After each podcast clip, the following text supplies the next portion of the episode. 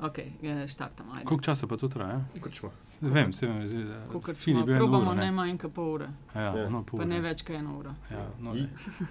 Smo, Ja, ajde. you go, girl. Je bentiš to dobro zveni, no? Ja. ja. ne moramo, ali lahko je bentiš damo noter. Lahko. To spodobi, okay. Lahko. Uh, dobrodošli v podkastu spletne postaje Metina Lista. Metin Čaj je podcast o dobrih in slabih praksah v medijih, o novih tehnologijah in trendih prihodnosti. Gostje so profesionalci, ki vejo, kaj govorijo, v medijih delajo, z njimi živijo in o njih razmišljajo. Podcast kuhava Nataša Briški, Metina Lista in Aljaš Pengov Bitens, Radio Chaos, sicer pa na Twitterju Pengovski in DC43, hashtag pa Metin Čaj, hashtag po slovensko, Hashtag. hashtag Lažeš lojtra, ampak ni isto. Lojtrca. Hashtag. Komu je pa bolj smiselno slediti od vaju? Uh, Nataši, vsem, absolutno. Vsem, Sledite vsem Nataši, ne sledite Pengovskemu. Tako je. Vsem nam je, je fajn slediti. Don't follow me, I'm lost too. Um, danes uh, bomo klepetali. Ta teden je bil pravzaprav aljaž uh, kar blazno zanimiv. Štartov je nov medijski projekt, torek ob petih. Oglašuje se kot prvi slovenski mobilni časopis. Uh, bomo spremljali, obljubljajo tudi podcast enkrat v prihodnje. Uh, in druga stvar, ta teden zelo, zelo vroča oddaja, vroči mikrofon. In z nama tokrat avtor vročega mikrofona z rahlo vročino, Matej pra, Praprotnik, ne sicer z vročino. Ne? Ne, nisem, nisem vročičen in tudi ne zdravim se ta hip. Hvala. Ok, Matej Praprotnik, Val 202, tvoja uradna funkcija, mal sem gledala na LinkedIn, pomočnik direktorja za radijske strategije, jaz sem prav rekla. Ali pa za strateško vprašanje, ja, ampak s tem se ne predstavljam. Sem Matej, ki dela na radiju in skrbi za, za ne vem, digitalizacijo radia, ponovadi rečem. Čeprav sem, ja, Pomočnik Budemo. direktorja za strateške vprašanja. ja Kaj to bomo, da malo več povej, kaj tvoj delovni dan vse zajema, preden gremo na vroči mikrofon. Ja, lej, uh, če odprete spletno stran Vala 202, boste bolj ali manj uh, dobili sliko, kaj počnem. Uh, skrbim za to, da gre radio v dobo digitalnega. To pomeni, da radio dajemo tudi vizualno obliko, oziroma da novinarje uh, izobražujemo v smeri integriranega newsrooma. In se pravi, rekel, da je modernizacija radia nekako moja naloga. To, s čimer se zdaj največ ukvarjam. In poleg tega zraven še uh, ustvariš vsebine tudi, včasih. Ja, si- občasno, uh, še vedno um, urejam oddajo od bita do bita, ki pokrija tehnologije. Uh, pa se pravi, ena oddaja na mesec, frekvenca X, oddaja o znanosti. Občasno pa tudi kak drug projekt. Kako težko si, uh, frekvenco X si najprej si zagnal ti, potem sta. Ne. Ne. Ne, mi je škrabecRbane, si Ja. sem A bil res? sodelavec. Okej. Ja. Pravzaprav smo istočasno smo Ti se globoko razmišljali. mi upravičujem, ne? ker sem hotel to vprašati, kako, mislim, kako je- si lahko njo preprečil, da je prevzela oddajo. ne. Se- se- se- Ne, potem upravičil se boš, ko boš povabil sem. Prav. um, Je pa res, da smo istočasno več ljudi začeli o tem razmišljati. Uh, očitno je bila pa potem njena ideja najbolj artikulirana in, in uh, ja, oddaja je postala kar. Zdaj, ne vem, meni se zdi, da imamo že njih 300 epizod. Meni je žal, da jih, ne, da jih nismo začeli že številkami uh, označevati, ampak mogoče lahko to naredimo za nazaj, ker bo zanimivo videti, se pravi, koliko daj smo že naredili, koliko sem jih naredil jaz, koliko jih je bilo prijavljenih na načr. Okay, ampak gremo, če, preden gremo k vroči temi. Ne, uh, oddaja o znanosti je bil vedno en tak, um, kako že, diagličaj ra, radijskega uh, etra, ne, ker je vse, ki sem jih jaz poznal do frekvence X, pa ne skromno rečem, kakšne, ki smo, ki smo jo tukaj delali, so bile. Tekst, pa sogovornik, ponavadi v, v hudi znanstveni latovščini, ne, s čim več uh, znotraj hišnih izrazov. Uh, in se potem sta tako novinar kot, kot, kot, kot uh, spraševanec počutila blazno pomembna. Ne? Mm. Kako to, da frekvenca X ni šla po tej poti? Lej, mislim, meni se ne zdi, da je format frekvence X idealen. Jaz mislim, da se ga da še izboljšati, o tem se tudi pogovarjamo, kar je zelo pomembno. Um, Ne vem, jaz mislim, predvsem je pomembno, da imamo tudi dobre strokovne sodelavce oziroma dobre pisce, ki znajo pisati. Uh, se pravi, uh, Nec Jelen, dr. Nec Jelen, Sašo Dolenc, pa Tomaš Cviter, so trije, ki recimo držijo to strokovnost, to daje po konci. Uh, potem je pa, jaz imam, to pa je skrivnost za na konec, oziroma to ni skrivnost za na konec, brez skrbi. Jaz imam že narediti, na, na, pripravljen zelo dober mušter, spremenim ime in dodam temo in pošljem vrhunskim znanstvenikom, ker to pa imamo srečo, za razliko od televizije, nam je preprosto, razmeroma enostavno poklicati vrhunskega znanstvenika in ga šesti dan posnet. Lahko je to tudi Nobelov nagrajen mm. in to se zelo hitro zgodi. zgodi. Uh, in iz teh intervjujev se da zelo veliko narediti. Uh, že to doda neki radiofoničnosti, ker so uh, intervjuji v tujih ja, jezikih. Ja, ja. Ja. In uh, opazili pa smo, da ja, frekvenca X je priljubljena oddaja. Zdaj, ko smo spraševali, kateri je vaš najbolj priljubljen podcast, se mi zdi, da je bila frekvenca X na prvem mestu. Ampak ne me držati za besedo. In opazili smo, da imamo eno skupnost ljudi, ki, ki zelo radi tudi sodelujejo. Ja, takrat je pol nastal ta uh, eksperiment s prevajanjem. Uh -huh. uh, delno sporen, zato ker mi uh, prevajalci učitajo, da izkoriščamo brezplačno delo. Uh, tega se zavedam, oziroma tega očitka. Ampak uh, bistvo tega eksperimenta je bilo nekaj drugega. No. Se pravi, več glav, več ve, oziroma zdaj živimo v času, ko je najbolj pameten človek v sobi, dejansko sobe. Oziroma, hočem reči, da na valu 202 vse, kar počnemo, pa potem logično tudi frekvenci X je, da nekako skušamo uh, doseči maksimum sodelovanja. Ampak ravno to, ker del daje crowdsourcing, ravno skozi ja. prevode. Je to pomagalo k oblikovanju te, bom rekel, fan baze in. in, in uh... Ne, mislim, da je bilo prej, je, so, najprej je bila oddaja Frekvenca X. Ki je postala zelo priljubljena, in tam po eni številki 200, pa čisti iz, enega, iz ene stiske, se je začel ta eksperiment. Um, sicer pa, ne vem, oddaja je zanimiva, ampak še vedno imamo, uh, še vedno imamo to razpravo, kako je narediti še bolj dinamično, ker smo tudi neke vzore. Recimo, do nedavnega nisem poznal zelo dobro uh, ameriške radijske produkcije in to se mi zdi zelo žalostno. Recimo, vsi smo cepljeni za ameriško televizijsko produkcijo. Ja, In vsi jo poznamo, zelo pogosto smo kritični do nje, vsi, vsi imamo vse nekaj vdaj, ki jih zelo radi gledamo in priznamo tudi nekaterim kakovost. Čeprav je zanimivo, največ televizijskih uspešnih formatov je iz Nizozemske. Ne vem zakaj, ampak tako to je. Uh, Govoriš o reality šovih. Ja, ja. Ampak ne poznamo pa radijske produkcije. In meni se je zdelo, da na nek hip se mi je zdelo, da je moja naloga tudi ta, da pripeljem ta format ameriškega javnega radia tudi sem. In meni, meni osebno recimo, je format oddaje o znanosti, ki mi je rekel, ideal, je nedvomno Radio Lab. Uh mhm. -huh. Ampak si predstavljam, uh, srečal sem se z Robertom Kraljovičem, ki je razlagal, da je bil v Izraelu, da je stopil z avtobusa, ker je zamudil uh, postajo in je vprašal, me, where, kje je pot nazaj. In rekel, Are you from Radio Lab? in, veš, da je to vdaj, ki je, ki je presegla vsa pričakovanja. Nareda je tako pač ta eh, Jed Ebonred, mislim, da je, da je skladatelj. In se da za vsako temo, se da nekako tudi skomponirati glasbo, ki jo dodaš, in, in uh, s, te, s tem dodaš dinamiko vdaj, nedvomno. In, in je pa seveda res, Radio Lep je pač, rekel, svinska produkcija. Mi si tega ne moremo privoščiti, žal. Jaz sem že skušal iti v to smer, pa predlagal, da imamo narediti dve oddaje na mesec, pa pa ponavljamo vmes. In zdaj, recimo, uh, zdaj novo redakcijo oddaje je prevzela Maja Rate, moja sodelavka, ki sediva skupaj, se pravi moja Cimra. Ona ima tudi zelo svež pristop in mislim, da se da v tej smeri tudi še razvijati. Uh, vsi se strinjamo, da je frekvenca X odlična osnova, odlično deluje, tudi uh, zahvaljujoč mi. Uh,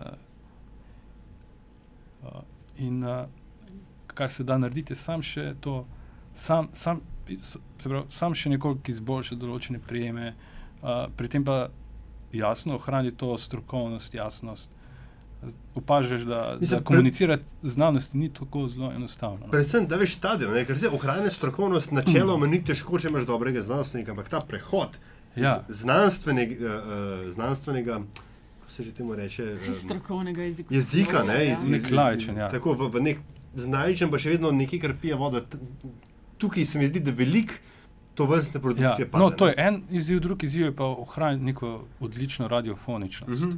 In tu je Radio Lab iz, izjemen. Ampak, ker si že omenil, oprosti, te Ja. prekine, ne? ampak seveda se ni, ne, ne morem mimo, mimo cinično paskane, da imate cel simfonični orkester na voljo v hiši. Ne? Ja, jaz bi rabo že sam Big Band videl dol. No? Big Band, Ja. Pa kaj, Recimo- nimajo časa, hočejo ekstra honorar? Ne, glej, nikoli še nismo tega poskusili. No. Okay. Evo, mogoče naredimo eno frekvenco X v živo, a ne z simfoniki. Recimo, imaš prav, ne? če uh, Sidarta snema simfoniki, če Tabu so snemali simfoniki, Dan ne? D so snemali s fri- s simfoniki, je bo še pa frekvenca X. Ja. Ne, to je odličen predlog.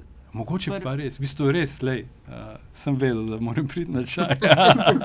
No, ampak, uh, oprostite, zdaj, sam zdaj Ne, Dejansko, nisem ne, pre- poglej, mi rabimo vsaj skladatelja. Ne? Ja. Na radiju obstaja neka norma, s katero se jaz ne strinjam.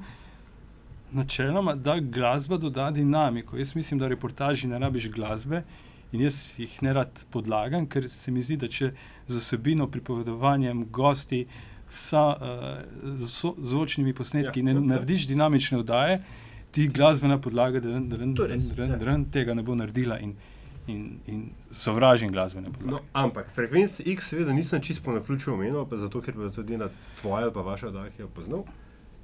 Zadevni vroči mikrofon, ki je dvignil veliko prahu, je bil po del njegove produkcije zelo soroden. Jaz sem tudi na Radio Lab videla v produkciji Ja. tega. Ja. Izjave, prevajanje, del izjav v originalu, eh, se mi je zdelo Ja, kot ja. poskus približevanja. Meni temu. ni, uh, z veseljem priznam, da se spogledujem z, z ameriškim javnim radijem, ker ravno to pač ne poznamo ameriške radijske produkcije, ki je izvrstna. In sem se trudil enkrat, da bi oddajo This American Life predvajali na, na enem izmed radio, radio Slovenija, ampak se je ustavilo. ne. Tist, najprej ja, potem ne, potem ja, predolga oddaja, zakaj je ameriška in smo ostali, kjer smo. a ne. A oni da- bi dovolili, se pravi, da se je ustavilo znotraj bajte. Ja, mi smo. Uh, jaz sem se začel dogovarjati uh, z morebitnimi uh, sponzorji. Uh, pogovarjal sem se tudi z ameriškim veleposlaništvom, če bi bili pripravljeni pomagati kakorkoli. Uh, nismo se še pa pogovarjali z, z, z Aeroglassom. Ja. Sem ga pa srečal v, v Barceloni. Ne, in jaz sem ga takrat sem razmišljal, sem razmišljal joj, če bi te povabili na novinarske dneve. Ja. ali pa k nam v, v neko.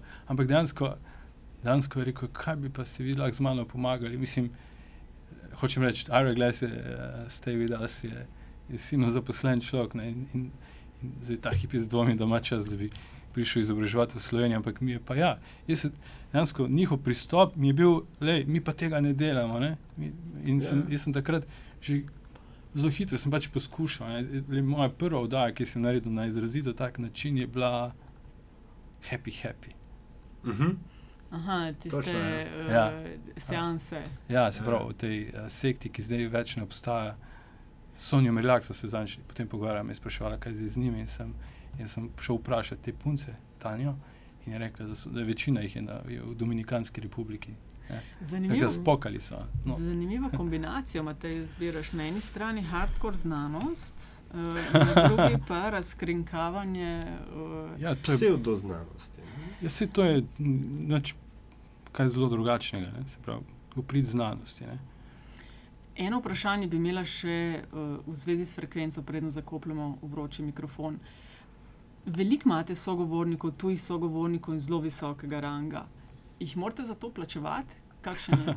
Ne, ne. Enkrat, vpraša kdo nikoli. za honorar? nikoli še ni nihče vprašal za honorar. Enkrat me je ena arhitektka vprašala, rekla, veste, moja svetovalna ura je pa to, je bila slovenka. Sem rekel, ja, prav, um, mi pa nimamo, mislim, ne plačujemo gostov, ne, še nikoli jih nismo.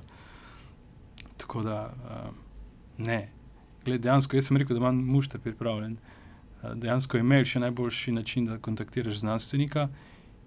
Uh, Zdaj sem se odločil, kdo je top shit z določenega področja, pošljem mail.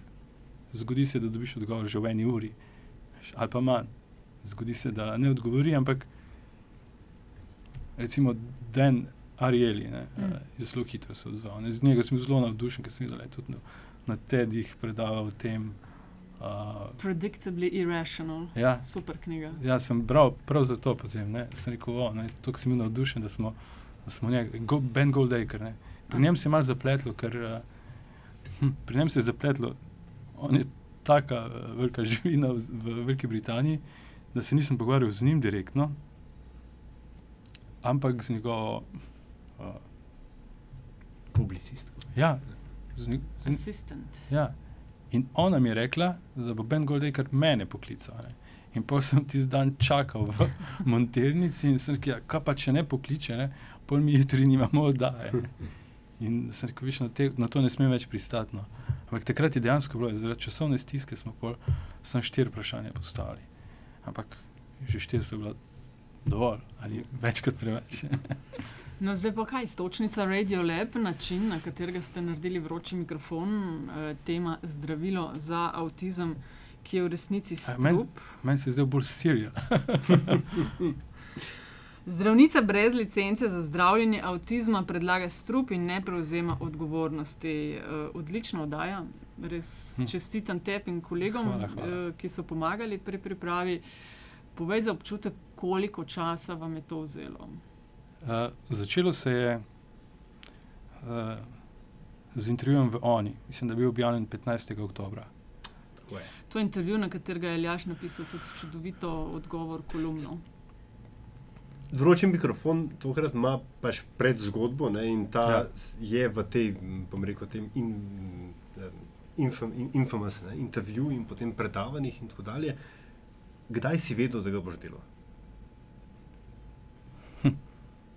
Ja, po redakcijskem sestanku, ko sem, jaz, ko sem prebral intervju in čestital delu, da se je zelo uravnoteženo lotil teme cepljenja. Takrat mi je bilo zelo hitro jasno, da s to gostjo nekaj ni v redu. Nisem pa mogel vedeti, kaj. Najprej sem sklepal, da, nima, da ni zdravnica, kar se je izkazalo, da ni res. Je zdravnica, oziroma ni zdravnica, to gotovo ni, no. ampak ima pa izobrazbo zdravnice, uh, nima pa licence, kar je pa zdaj tako. Ne. Jaz tudi ne letim s piloti, ki nimajo licence, pa pravijo, da so boljše. Uh, se pravi, tudi tako, da si izbral. Uh, med letalskimi družbami, da bom letel samo s tistimi, ki so črne liste, ker uradni eh, letalski industriji ne zaupam, ker zapršujejo nebo. Recimo. Se pravi, sredi oktobra ti si članek, to ja. je nekako sprovociral, kaj pa samo konkretno delo na te oddaje, ki je začel se vrteti? Pač ja, jaz jaz moram reči, da jaz uh, prvotno nisem želel delati, zato ker uh, delam druge stvari. Ampak, uh, ko sem videl, da, da je stvar zelo problematična, In še potem, ko sem videl, da je pa še večer praktično ponovil napako dela, -hmm. res jo je ponovil. Mislim, jaz mislim, da je bilo takrat že jasno, da in planet TV. Pač ne razumem, da, da, da lahko en tok, uh, tok neprimeren gost pride do medijev. Vse vem, kdo je za to kriv. Pač. Dobro, mislim, organizator ne kritično oceni, koga povabi, zato ker uh, govori njihovo resnico. To še razumem in pač jim nič ne zamerim, ampak da pa potem to agendo uspešno potisnejo naprej s pomočjo, ne vem, novinarjev, celo urednikov, mm. to mi je pa zelo sporno. Se pravi, lej, pol ure preverjanja in bi rekel, čak mal. Te zdravnice, one, ne bomo imeli, v, se pravi, nje ne bo v našem mediju, ker je to v nasprotju z vsemi načeli. In, uh... Zdaj, po eni strani se tukaj, veš, uh, v redu, ona kot, bom rekel, eden od, od uh, vem, tržno zanimivih produktov, ne, časopisne hiše. Do očitno potem vroče teme, ki verjetno so jo tudi drugi pojerbali, ravno zaradi tega, ker so upali na, bom rekel, klike, gledanost, kar koli. Ampak po drugi strani se mi zdi pa fascinantno, ali pa bom rekel, um, poetična pravica, ne? to pa, pa druga plat te zgodbe. Ne? Vroče mikrofon, v končni fazi, mečken, tudi tud, tud, tud, tisti moj tekst. Ravno tako zelo, zelo odmeven, da ne rečem kontroverzen. Ne? No, jaz upam, da so se avtori in uredniki Uh -huh. zdaj malo zamislili. No. Jaz upam, da so se organizatori dogodka nekoliko zamislili. Uh, jaz sem imel z njimi spor, oziroma verjamem, da člani so me prijavili na novinarsko časno razsodišče. Naslov članka je bil uh, Obvezno cepljenje škoduje zdravstvu, nasprotniki cepljenja pa vsem, zato ker ne prevzemajo odgovornosti. Uh, vprašal sem jih, ali kdo bo prevzel odgovornost za izjave Slađane Velko v Mariboru ali pa na, v Naklem. Mm. Si predstavljam, da je o zdravljenju s čudežnim mineralom govorilo tudi Ljubljani. Kdo bo prevzel za to odgovornost, ker Slađana Velko je ne, organizatori so rekli, mi se kakor ne moremo, no in to je njihov problem. In, in uh, ko sem se pogovarjal z makedonsko, uh, z makedonsko uh, zdravnico po izobrazbi, ki sicer dela pri farmacevtski družbi, ja, in to je zdaj razlog za diskreditacijo, logično, ker ljudje, ki delajo, v, ljudje, ki so farmacevti, so. Bi bilo treba, jaz ne vem, očitno zakonom preganjati, tako kot čuna, da ne, še ne vsi sedijo. ne. Uh, Stavek Ja, samo tukaj. torej, kaj je zdravnica je mm, ugotovila, kaj oziroma ti povedala? Ne, ne, ne, Kolegica iz Makedonije. Ja, Mislim, uh, ne kolegica. Ja. Mislim, eh, eden od. od eh, Ne, ja, ne, že vem, že vem, kaj sem ja. hotel povedati, se upravičujem. Uh, z njo sem se pogovarjal in sem rekel, gledaj, a ni to, sem rekel, v, pri nas v Sloveniji je tako, pri nas bo cepljenje neobvezno šele takrat, ko ne bomo imeli takšnih civilnih inicijativ, se pravi, ko jih ne bo več. Ne. Rekla, neverjetno, pač enako je v Makedoniji. Pravi, to je ta ironija, oziroma Mm, to je res ironija. Ne? Dokler boš imel te ljudi, ki bodo tako nekritično vabili povsem neodgovorne ljudi in jih in predstavljali svojo sveto resnico in zahtevali v medijih enakopravno obravnavo, takrat in, in dejansko širili škodljive laži, in, niso, in o tem je tudi govoril Ben Goldaker, da niso priprav, dejansko niso pripravljeni na, na argumente. In jaz sem se pogovarjal z organizatorjem in sem rekel, pa Glejte, če rabite pomoč, ne, sem tudi komunikolog, lahko vam pomagam, ne, lahko vam pomagam ozaveščati ljudi v smislu, ne, pač bili smo na nivoju, a, tudi malo ironije, ampak ali pa sarkazma, ampak če, dokler boste vi govorili, širili vse svoje nekritične resnice, ste pač nima, ni, nimate nikakršne kredibilnosti za to, kar govorite. Ampak Edino, kar pa lahko vidim, pa se da zagovarjati, pa mogoče res, da je cepljenje neobvezno, ne, iz različnih razlogov, ampak uh, o tem naj se pa odloča stroka, ne jaz kot novinar, vsekakor pa ne civilna inicijativa. Jaz osebno vidim en drug problem, ne, ker si omenil argumente, pa Bengal, ker pa ne- njegova teza okoli tega. V hipu, ko ti nastopiš s svojimi argumenti proti nečemu, česar ne pije vode, ne, ker pač argumentacije o avtizmu in, in kaj že kloro. eh, Klor dioksid, Klordioksid, ne. klor A dioksid. veš, V hipu, ko ti rečeš, ne, to ni res ker, tri pikce, ne, Ja, potem si v bistvu. Legi, igro. legitimiral si Ne, ti Ti- si, ti si, ti si um, tvoj ego ti ne pusti, da bi odprl glavo in razmišljal drugače. Ne? In ti, druga, ti, ti zatiraš drugače Ne, ne, misleče. v redu, ampak to je, ampak Ne. ho, hočem ti reči, na, na, na, na ravni. Ne, Ja, ja, ne, to, je, to, to, je, to je njihov, to, to, to, to, je, to je pač protiargument. Ampak na ravni, bom rekel, zmednega opazovalca, zunanjega. Ne?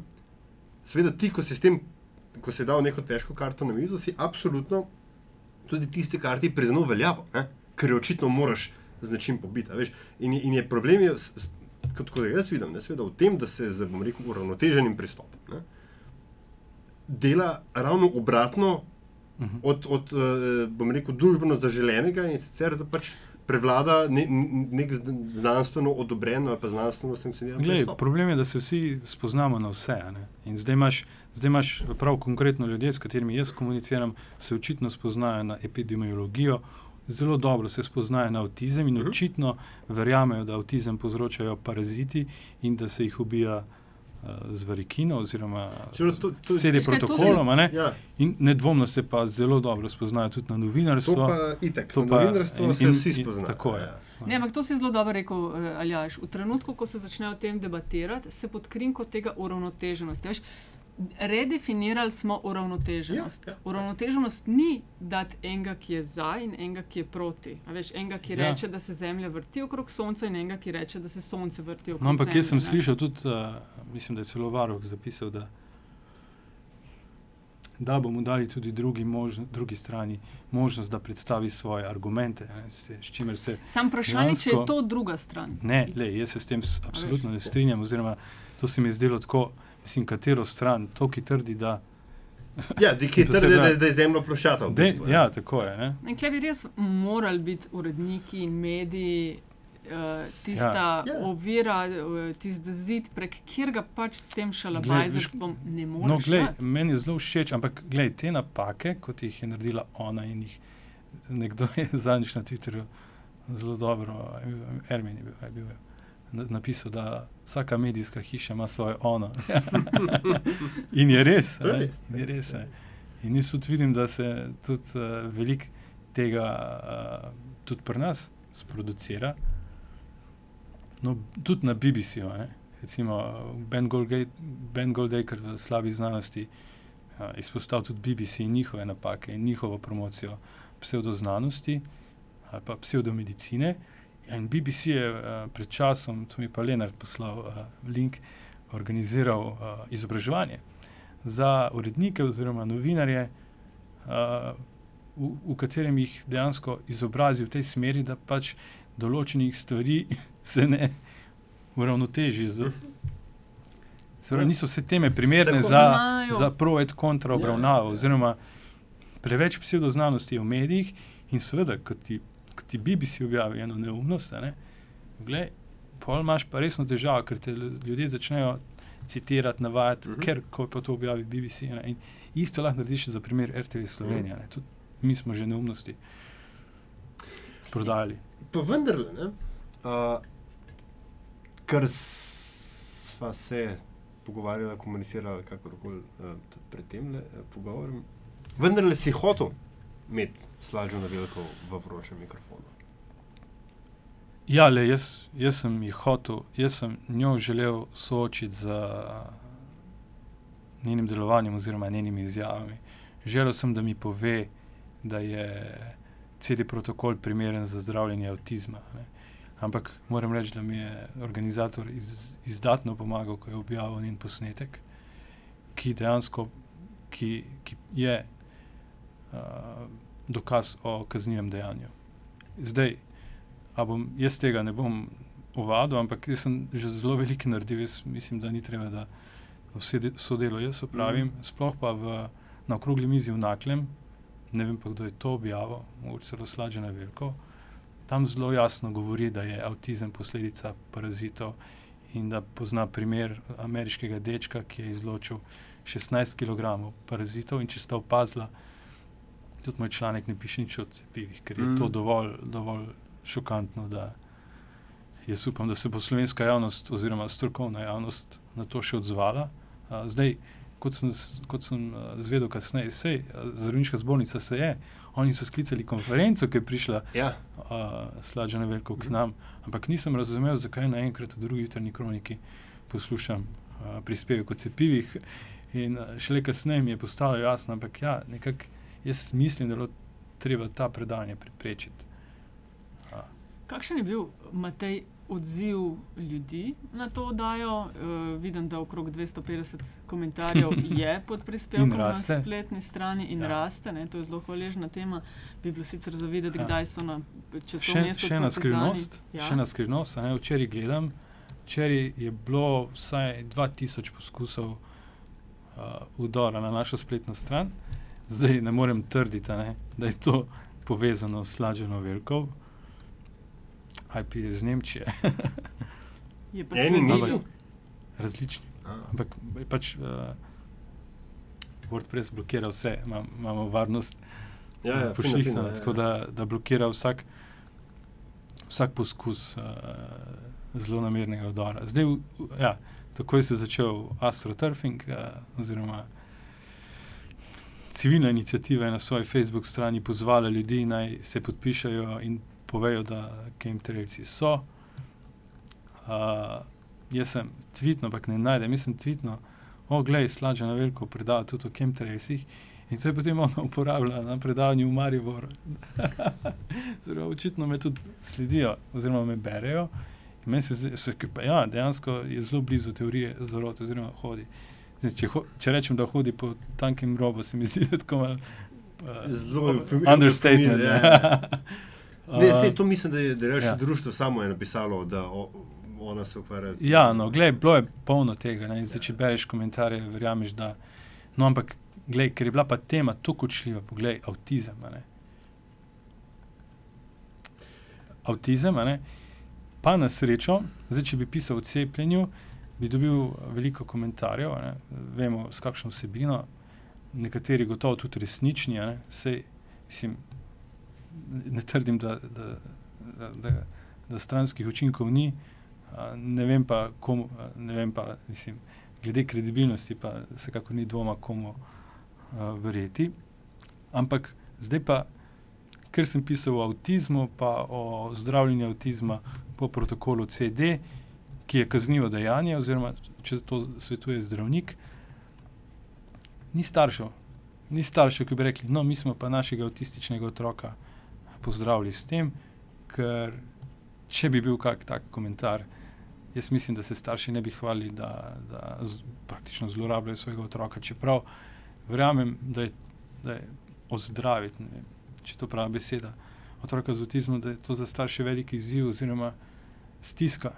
In da najbrž resnično iščejo vse možne rešitve, ampak klorodioksid to ni. In ne glede na to, v kakšni stiski si, otroku ne boš dajal strupa. In kar, kar me pa še bolj skrbi, ne, ta astroturfing gre očitno zelo daleč. A, ta domnevna zdravnica je na svojem Facebook računu objavila YouTube posnetek slovenske mamice, ki v angleščini razlaga, kako je pozdravila svojega otroka po protokolu CD. A, ko sem delal oddajo, sem šel še iskat, kje je bilo to objavljeno, nikjer nisem več našel. Slađa na veliko je očitno to umaknila, ker to je bilo na njenem Facebook računu in ne najdem več posnetka. Uh, meni bi se zdelo smiselno to, ne vem, to mamico izprašati, oziroma ali je to zgolj pričevanje ali je to dejansko tako, ampak jaz mislim, da, poglej, ona se, najprej, moj, naj, prvi, prva ideja je bila, ona najbrž ni zdravnica, ne? In tudi v Srbiji so mi moji sogovorniki zagotavljali, da ona ni zdravnica. Dokler nisem poklical v Makedonijo na, na zdravniško zbornico, kjer so mi povedali, da je zaključila univerzo v Skopju. Mislim, da je to zelo veliko let študirala, ampak tega nisem mogel. Do, da, mislim, da, rekli so mi, da je 16, ampak tega nisem šel preverjati. Tega nisem šel. A si imel veliko ekstra informacij, ki jih zaradi kakršnih koli Da, razlogov absolutno. Sploh Slađa Neveljko nam je zagrozila s tožbo, a, direktorju, generalnemu direktorju, pa direktorju radia. Se pravi, upa, da ne bo treba sprožiti tožbe, tako kot je v Subotici. A, nisi. Pomočniku direktorja radia za strateška vprašanja ni zagrozilo neposredno? ne, meni ne. Pač, to je bilo klasično strahovanje, sej nisem prvi. A, sem, mislim, lej, a, še enkrat sem prebral svoj tekst, videl sem, da stojim za vsem, kar not piše. Dejansko sem objavil zgolj tiste stvari, za katere dam roko v ogenj, da držijo. Se pravi, zgolj tiste stvari, za katere dokazano vem, in iz takega razloga sem tudi tega gosta izločil, njegovo pričevanje, ki je zelo obremenilno. Uh, raziskoval sem tudi njeno financiranje in tudi to je zelo zanimiva zgodba, ki ne bom komentiral, ampak uh, upam, da bodo to naredili makedonski kolegi ali pa srpski kolegi. Uh, dokler to ni potrjeno, ne morem vedeti. Dvomim, da je bila zdravnica v Kuwaitu, ker uh, odgovora bolnišnice še nisem dobil, oziroma dobil sem samo po telefonu, so rekli, da še niso slišali za njo. Več ona na začetku predavanj spostavi verodostojnost, čeprav reče, da je predavanje izobraževalne narave, ampak uh, spostavi verodostojnost s tem, ko reče, da je delala za Združene narode, no oni pravijo, da ni, potem, da je bila zdravnica v Kuwaitu, no tega nismo uspeli izvedeti. In če ne kaj, vsaj po tem preiskovalnem delu se bom mogla vsaj drugače predstaviti. Torej, nisem zdravnica, uh, nisem delala v Kuwaitu, nikoli nisem imela pacijenta, uh, nimam nikakršnih izkušenj s cepivi, nikoli nisem nikogar cepila. In pa pač. Uh, Da vidimo, koliko bi ljudje Ja. ja. še ustrajali na takem predavanju, nekoga, ki bi karte odprl na začetku. ja, recimo olej, v Makedoniji uh, so zelo hudi tudi zdravstveni zapleti, ki, jih je, ki so jih njeni na svetu povzročili. No, ampak dokler res nimam jasnih dokazov in ker ni bilo dovolj časa, da bi vse raziskal, sem te stvari pustil Mhm. zunaj, tudi vse, kar meji na. Mislim, vse že tako vse meji. vem, Dobro, se imaš tudi še drug problem. Ne? Oddaja je dolga skoraj 16 minut. kakšen je Ja, limit za 15, vroči ja. mikrofon? Ej, ne vem, 15, Ne vem, 20. da, jaz nisem vedel, kako dolgo bo vdaja. Sam pa, ko sem videl, da je 15, sem rekel, no 15 je ok. Uh, dopuščal sem, da bo tudi pol ure. Čeprav nimam rad dolgih oddaj. No. Mm. Mm. Mislim, da je. Ampak vse se da krajšati. No. Jaz mislim, da sem. Gled, tudi, tudi za 4 minute bi se moral dati narediti. ne.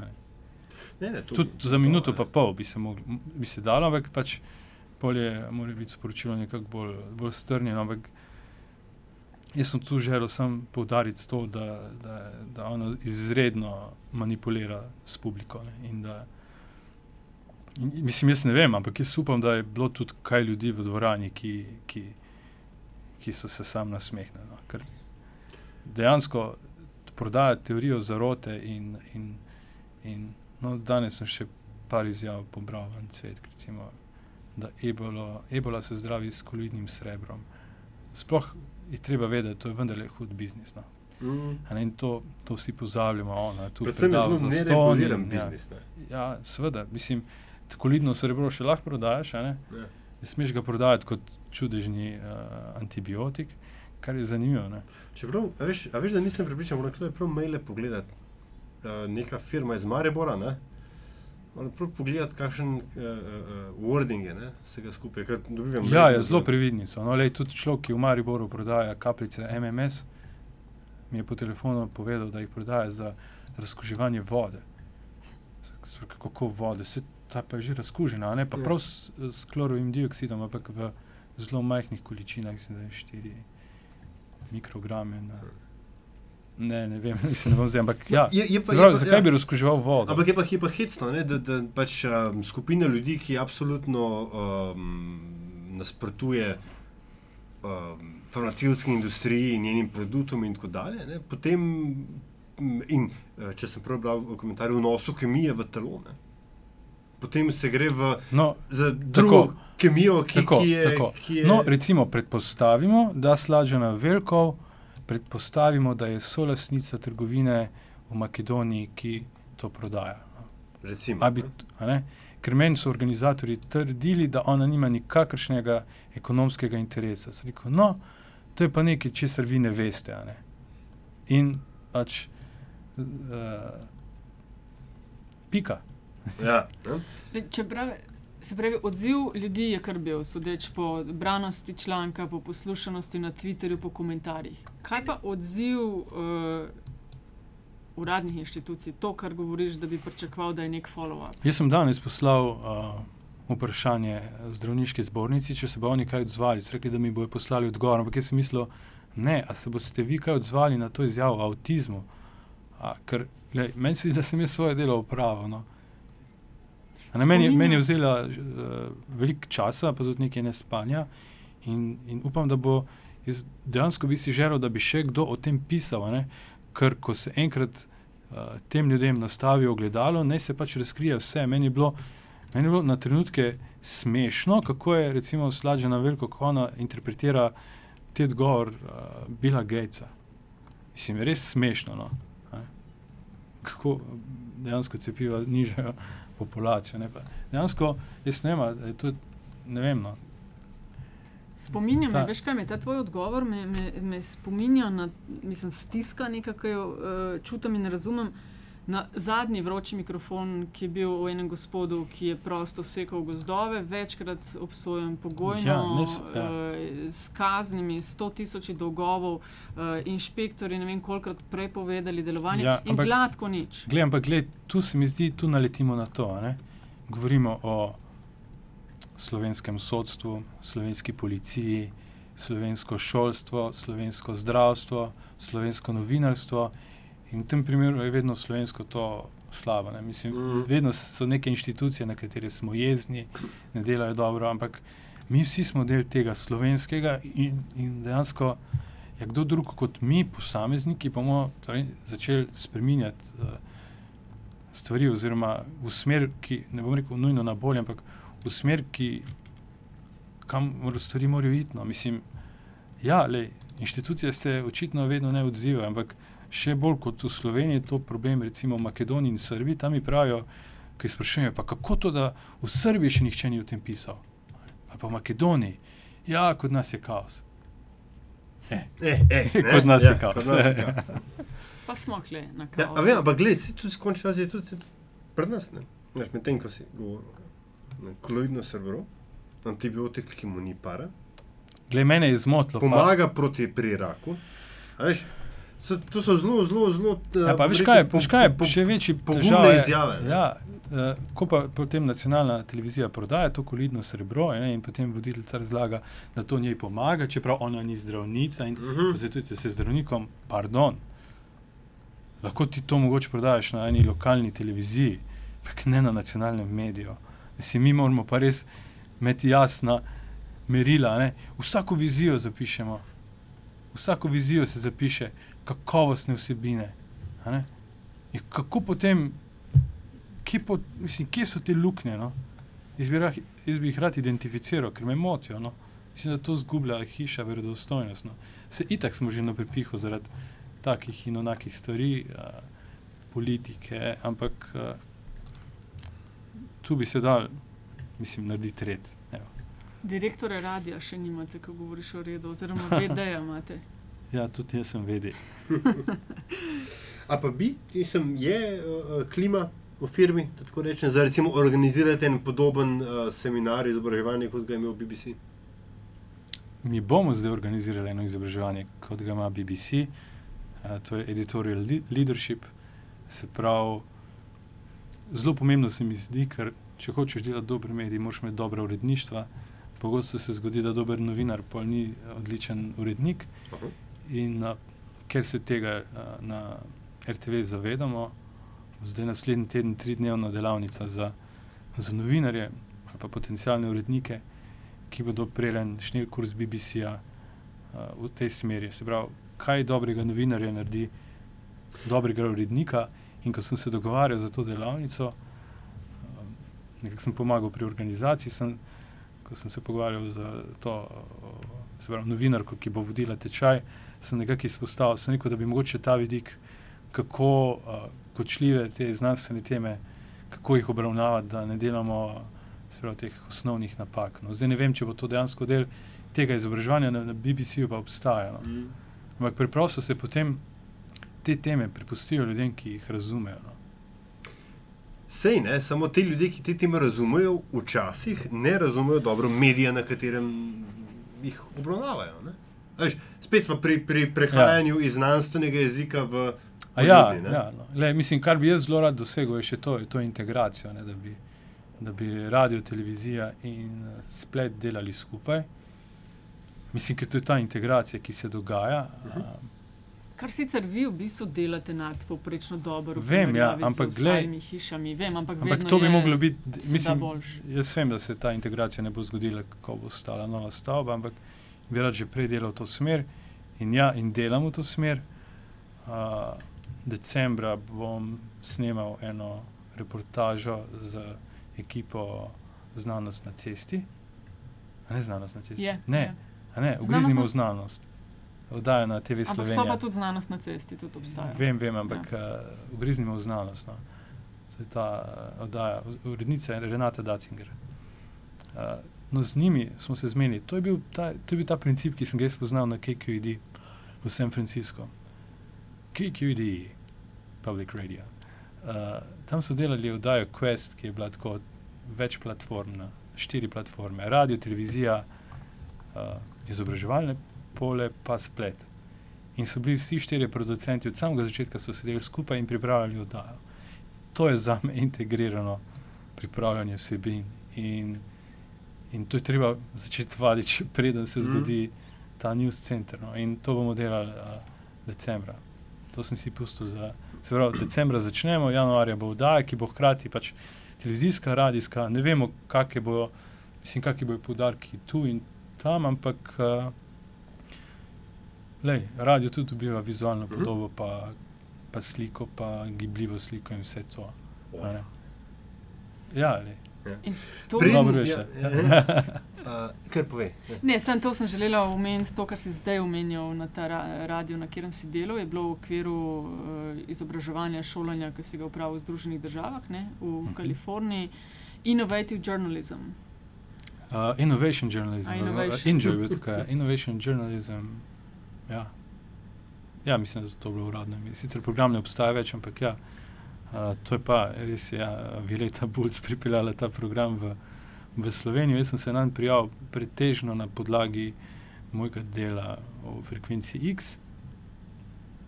Imel, moram reči, tle pa se mi zdi, da sem imel res srečo, no, da, sem, da sem dobil to priložnost, ker ker se mi zdi, da sem tam tudi videl, kako se da vse skupaj dobro integrirati, se pravi stvari, o katerih sem jaz razmišljal in za katere nisem imel avtoritete, da bi jih delal na radiju. Potem, ko sem končal ta program in prišel nazaj, sem nekako imel novo izkušnjo in ta znanje, da sem to vendarle lahko počel. Ne. In, in tle mi je recimo Mirko Štular kot urednik mi dal res proste roke, imel sem polno podporo, no in takrat se je začel tak, mu rekel, res nagov razvoj za Val 202, kar se tiče vsega digitalnega. Tweetal sem za Val 202 iz San Francisca. To se že spomnim. Ja, to, Ja. No, pol sem prišel sem, no, uh, vedno več uh, ljudi je to uh, znalo početi in se mi zdi, da je tako. Val 202 na, na teh družabnih omrežjih, pa sploh spletu je, je zelo močen, ima kaj za pokazati in, in tu, mislim, tudi ekipa je res fenomenalna. In, in, in izkazalo se je, čeprav moramo še vedno včasih zagovarjati, da zakaj se gremo neki po svojem, ampak tako hiter razvoj, kot ga imamo mi. No comment. Težko, Ja, vidiš.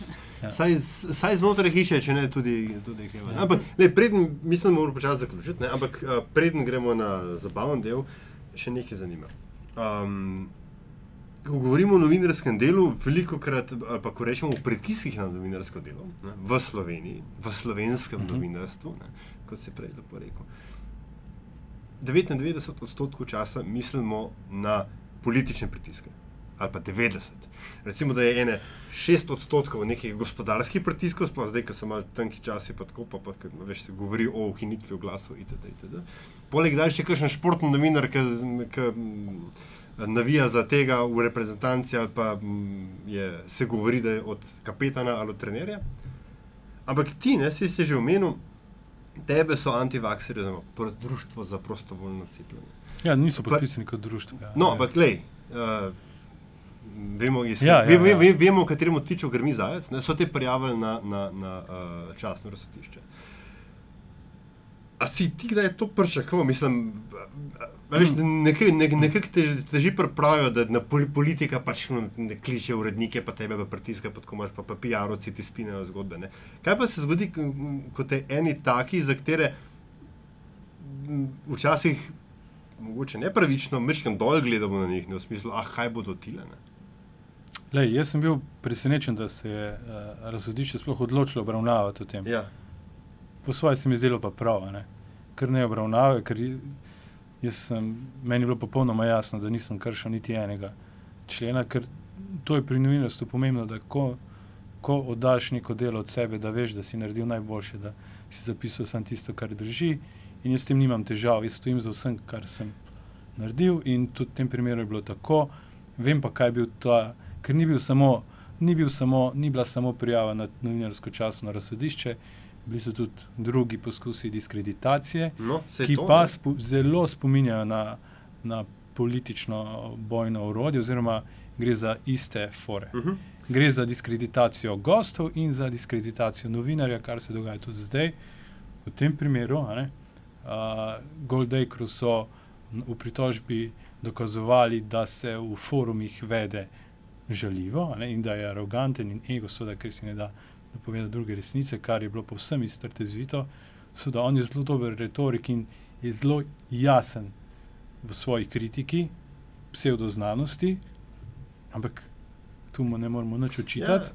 Potem so diskreditirali mene, ko so me povezali z itak, farmakomafijo, pa, no, pa, še, pa še citirali so moje tvite, s katerimi so, to, ne? s katerimi so dokazovali, da, nis, da sem upleten in da nisem objektiven. Vzeli pa štiri Ja. od vem In kaj so tisočih. oni? Oni so dejansko s tem napadom želeli doseči, da jaz o tem ne bom več Tako. Pisal. a Ne? In ko sem govoril z, z Blažem Mazijem iz, obi- iz izobraževalnega središča, eh, izobraževalnega uredništva na prvem programu Radio Slovenija, je rekel, hej, pri meni no, nih- nihče več noče pisati o tem.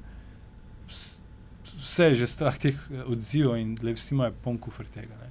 In, in gled, to se dogaja. Mhm. Uh -huh. pač, jaz sem tudi takrat rekel, gledaj, jaz nimam nobenih afinitet, da bi pisal o cepivih, ker to res ni tema, ki bi me neki izrazito zanimala. Jaz sem delal frekvenco X, kdo bi si mislil, da bo tako odziv, ampak bil sem pa izjemno vesel, da sem dobil Bena Goldacre, on pa je top shit. a ne. Mislim, njega ne dobiš kar tako. In, in to je bil za me kul cool intervju, ampak kar se je pa pol dogajalo, je pa, mislim, presegal vse meje. No, se je ravno to, ko se, ko razuma, se, ja. veš, vsa, vsakeč, ko se ti prvič to zgodi, ne, ko bom rekel, tako zgubiš jumfrt na tem področju, ne, tudi jaz sem ga nekje druge. Um, res ti ni vseeno, ne, pač, Glej, meni ni bilo vseeno za vse te diskreditacije, pa to, pa veš, ljudje te dejansko te začnejo osebno diskreditirati in, in mislim, ok, nekaterim se nasmiš, ponovadi ne pride globoko do tebe, ampak dajte no, a mislim. te je zato manj na Twitterju. Manj. Prej si bil posod. Ne, ne vem, mislim, to, to so ups in downs, in ni- nima veze to. Ne, ne. Na Twitterju še zmeraj delam isto, kot vidiš kot novinar.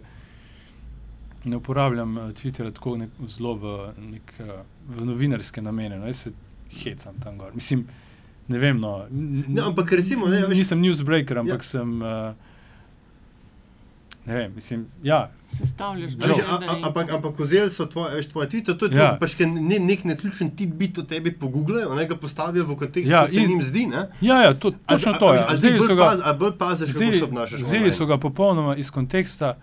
A veš, ja, pazim, glej. Uh, bolj bulletproof, mogoče želiš, da karkoli je. ne, glej, objavljeno še, na glej, to. zmotil sem se, ne sem napisal, da Slađana Veliko nima zdravniške izobrazbe. Ja. Tu sem se zmotil, ampak glej, a si lahko to privoščim na Twitterju? Glej, v toku nisem tega nikamor napisal, napisal sem, da ima izobrazbo, ja, zmotil sem se, jebi ga, evo. Mhm. A ne, in zdaj. In zdaj že vidim tam, že, že mi mečejo nazaj to. Da, a ne. No, na Jaz sem že od ja. samega začetka bil, a ne, ja, lej, mislim. No, Sorry, gled, kot novinar se tudi zmotiš, a ne, ampak ne napišeš tega v članek, imaš polno stvari, ki jih ne, s tem, da dejansko še ne vemo, kakšna je ta Mm. diploma. Ne, in, No, eh, ampak ti, Aljaš, recimo to, kar sprašuješ, Mateja, kako si se pa ti odgovarjal Ah, ja, na ne, to? A Si je- opazil, da si ne vem, bolj rezerviran ali bolj pre, ne vem. Veliko krat se mi v zadnjih letih recimo, zgodi, da prešteje do deset, preden kakšen tweet Ja, lej, jaz, ne? jaz sem imel zelo tudi, lej, to ni, mogoče tudi, tudi avtocenzura, ampak Ja. par tistih, le nočem izpasti kot uh, aroganten. Uh, neumnež. maščevalen. Ja. Ja, tako da te, te misli o, o, o teh neumnostih ja. Raj delim znotraj uh, Facebook skupine Vala 202. Se Ja, ja. No, je Ne, pa veš, kaj za, za Zaprti to krog vse ljudi, večjo ja. popularnost in priljubljenost Twitterja. Vsi tisti, ki so, smo mogoče malo bolj izpostavljeni, pa delamo v medijih, a veš. Avtomatično je tega. bolj, uh, uh, ko se temu reče, um, uh, očiščen, ne se pravi. Um, Tako, kot si Glej, rekel, 10 ampak- sekund si daš, veš, veš kaj je za me. Twitter? ne? Včasih sem bil jutranji voditelj a ne? ja, in sem skozi štusiral. a ne. ja, ja, ti si Za si- kar mi je bilo zelo včasih tudi težko imati resno. Zdaj, ker nisem jutranji voditelj, Mhm. Pač imam, zato imam Twitter. Uh, meni je všeč, uh, super je bilo gledati otvoritev olimpijskih iger uh, na Twitterju, ker si imel pač vse, kar komentator ni povedal. Ja, ja. In, res. ja mislim, jaz sem še zmer, zmerno navdušen nad, nad, nad Ne, ne, ne, Twitter je super, vse, veš, ne, ne, ne gre samo za Twitter, gre, gre Ja, gre le, me, to, so gre moje, to so moje približki. Ja. Ja. Veš. Ne, zdaj, ja, se preberemo iz zadnji tvit. Bom polk, zdaj bo čist preveč, Ne, ne, sem preveč klikal. Ne, to je zdaj za poslušalce. Ja, Ja. preberite njegov zadnji tweet. No, zdaj pa samo na hitro rečemo in povabimo vse na tretji festival medijske kulture in trendov. Ta program BBC-ja, o katerem si govoril, bo v enem delu tudi uh, za udeležence. Ne, uh, Jaz upam, da je že kaj prijavljenih. Oziroma. Ja, da bo za te prijavljene na festival. Začne se 20. med drugim bo. Medijska bera, del programa, torej projekti, ki uh, si zaslužijo petko, uh, na nek način najboljši iz slovenskih medijev, na enem mestu. Hm? Kaj? Smo nominirani. In zakaj še ne? Ja, sem res. A niste? Ena je tudi zanimiva zadeva, bo medijsko ogledalo. Veš, da se non-stop, mi dva kle skušava klepetati z ljudmi, ki uh, delajo v medijih, uh, bolj intenzivno ali pa razmišljajo o njih. Medijsko ogledalo nam bodo nastavljali zdaj vsi tisti, ki konzumirajo uh, na polno medije, pa imajo veliko pripomp, med drugim recimo lej, dr. Maja Bogata Janči, če bo nastopila. Pa bo treba pelirine prideti, če bo zelo pluvo. Jaz, uh, se bojim, da mogoče res marsikaj si bomo gotovo zaslužili. Tina Bončina, psihofiza, psihoterapija, aha, aha, Andraš Tori Zemanta, O, dr. Erik Brecel. Onkološki inštitut, no, me, me prav zanima, kaj uh, bo imel za povedati. Mislim, kakšna reakcija na to, kar si tudi ti? Glede na to, da so človeka mediji naredili ne? na nek način, ne? bo, ta, bo ta zelo zanimiva. Ne? Ja, vse bo zelo zanimivo. Skratka, začne se v četrtek, traja do sobote. Uh, program lahko uh, vidite na spletni strani naprej, pomišljaj forward.org. Uh, Dobro, da te imam, ker sem čist pozabil. Ja, iti. Boš prišel kaj na čaj, bo šla na čaj. Uh, ti, Matej, a si v kakšni, vem, da pomagaš, pomagaš si sestavljati program, uh, boš še kaj vodil, imaš še kakšne druge zadolžitve, pozabil sem. Ne, sem prost kot voditelj. Ja. Lahko me pokličete. No, štiri krat štiri. Um, pa smo pri zanimivosti. Ja, dej, dej, dej, dej. Uh, končamo te podcaste s tem, da, da gosta, gosti vprašamo po nečem, kar uh, se njemu zdi zanimivo, pa večina mogoče ne ve, pa je pripravljen deliti. Lahko je to nekaj z področja, s katerim se ukvarjaš, radio, karkoli v zvezi s tem. Okay, lahko bi bilo pa tudi nekaj čisto X, evo, samo v šesto so najo. Uh, ne bo frekvenca X. Uh, ja, zdaj če poznate, kaj delam, ne? in to delam že dosti časa, in tudi v, tam piše diploma, tudi v diplomi sem o tem pisal, o znamčenju Radia Slovenija. Imamo osem različnih znamk, zelo različnih, in vsaka se iz, izoblikuje sama zase. No, zdaj smo končno v procesu, ko pripravljamo en urejen portfelj znamk in mogoče še to, ampak zelo hitro v naslednjem letu bomo imeli, bomo posodobili, uh, bo Radio Slovenija posodobil portfelj svojih znamk in nekako uskladil ta, uh, to ponudbo, tako da bo, ki jih boš videl skupaj, vseh osem radijskih programov, da boš videl, da je to smiselno organizirana celota in bo, mislim, da bo lažje, zdaj ne vem točno še kakšne bo rešitev, ampak jaz si veliko obetam od, od tega projekta, res, ker meni se zdi, da je to zgodovinski korak naprej, ki, ki hkrati se tako vizualno približuje tudi korporativni podobi RTV Slovenija, seveda da bo tudi naslednji korak, naslednji dizajner, ki bo dobil v roke portfelj RTV, da bo rešil vse z eno potezo. No. To je za me zelo velika novica. Pa. Razumem. Ja. Poskušam zdaj razumeti, kaj si, kaj si nama povedal. Ne? Govorimo v bistvu o pristopu BBC Radio 1, Radio 2. Uh. Eh. Ja, jaz, jaz upam, da to vodi še naprej. Zdaj, seveda, eh, znak ali pa znamka je zgolj vrh ledene gore. O blagovni znamki, kar reče že znamčenje, govori o blagovni znamki. Ne, govori o storitveni. Mislim, tako jaz to vidim. okay, ampak, Storitev, ja. ker ja, radio je storitev, ni okay, blago. Ja. Brand, znamka. O brendu, ja. ja, ja. Dovolj je, če rečemo v znamkah. Redu, ja. Uh, ja, govorimo o tem. Ne. Jaz bi tudi mislim, da je v prihodnosti bo zelo treba uh, jasno profilirati tudi mogoče malo bolj radijske programe. ena, dva, tri, recimo najbolj. Jaz zelo vidim, recimo, prvi program kot izrazito informativen, drugi nagovarja pa izrazito bolj mladi kot zdaj, mogoče celo tudi nekoliko manj informativen, najbrž bo moral biti, pa malo tudi mogoče. Recimo, malo manj informativen bo kar dovolj, mislim, da pri tretjem ni posebne težave, ki je že zdaj zelo tematski. Ker kadar se pogovarjamo o tematskih radijih, me skrbi sem, da mislim, digitalizacija ponovadi prinese tudi tematizacijo, oziroma o tem se pogovarjamo. Mhm. Meni se pa ne zdi, no, mislim, da najprej, najprej treba tematizirati to, kar že imamo, ne, bistveno bolj urediti in V bistvu razlagaš nek podoben format, kar so televizijci uh, že pred časom. Jaz sem poslušal, uh, ne, poslušal sem uh, generalnega direktorja, no, ki ste ga imeli tle, je tudi uh, izpostavil to dilemo, da med drugim, da kaj zdaj, a bo kdo sploh gledal tematske kanale, no, če bojo taki. Ne. Sploh, ker dobro, mi, mi tako dolgo že časa razmišljamo o tematizaciji, da je vmes prišla že personifikacija radia. Ne, tako da mislim, da je to spet nov koncept, ne, stičer, poznaš, Ja. stičer, ki ti v bistvu sam ti Mhm.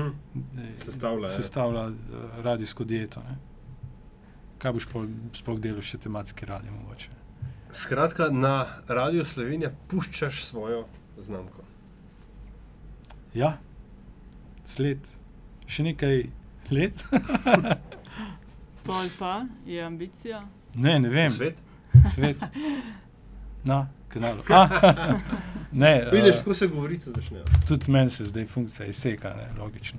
Tako Ne vem, Kdaj boste postavili, kdaj bo pri vas jasno? To še kar Do- v oblaku. ne vem, ne vem. Mislim, da ko slišim novembra, ampak nisem seznanjen zdaj Že sred novembra časa zmanjkuje. Ja.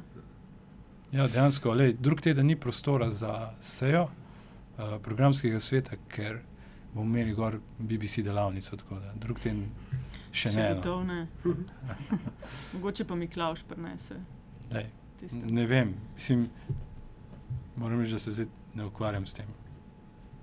Ok, smo prišli uh, do konca te oddaje, nikakor pa ne do konca vsega, kar, o čemer bi še lahko uh, klepetali. Matej, najlepša hvala, ker si bil najen gost. Uh, dobijo te lahko uh, poslušalke in poslušalci na AFNA, praprotni pa X na koncu. Ja, zato je bil prav proti njih že zaseden. ampak mislim, da je bilo kar po A ima to kaj sekvencu s X. frekvenco X? A, Ne vem, ne vem, pojma nimam. Pač se veš, tisti moment, ko vklopiš Twitter profil in še ne veš točno, kaj bo iz tega. okay. Matej, najlepša hvala. Enako. Uh, če ste uživali in more biti kaj novega izvedeli ob poslušanju podcasta Met in Čaj, bomo veseli vaših tweetov, všečkov, downloadov in šerov. Komentarji, kako bi bili lahko še boljši ali morda koga predlagate za naslednjega gosta, dobrodošli na infoafna.metinalista.sim. Če želite pa ustvarjanje podcasta in vsebin na metini listi tudi finančno podpreti, lahko to storite s klikom na priloženo povezavo.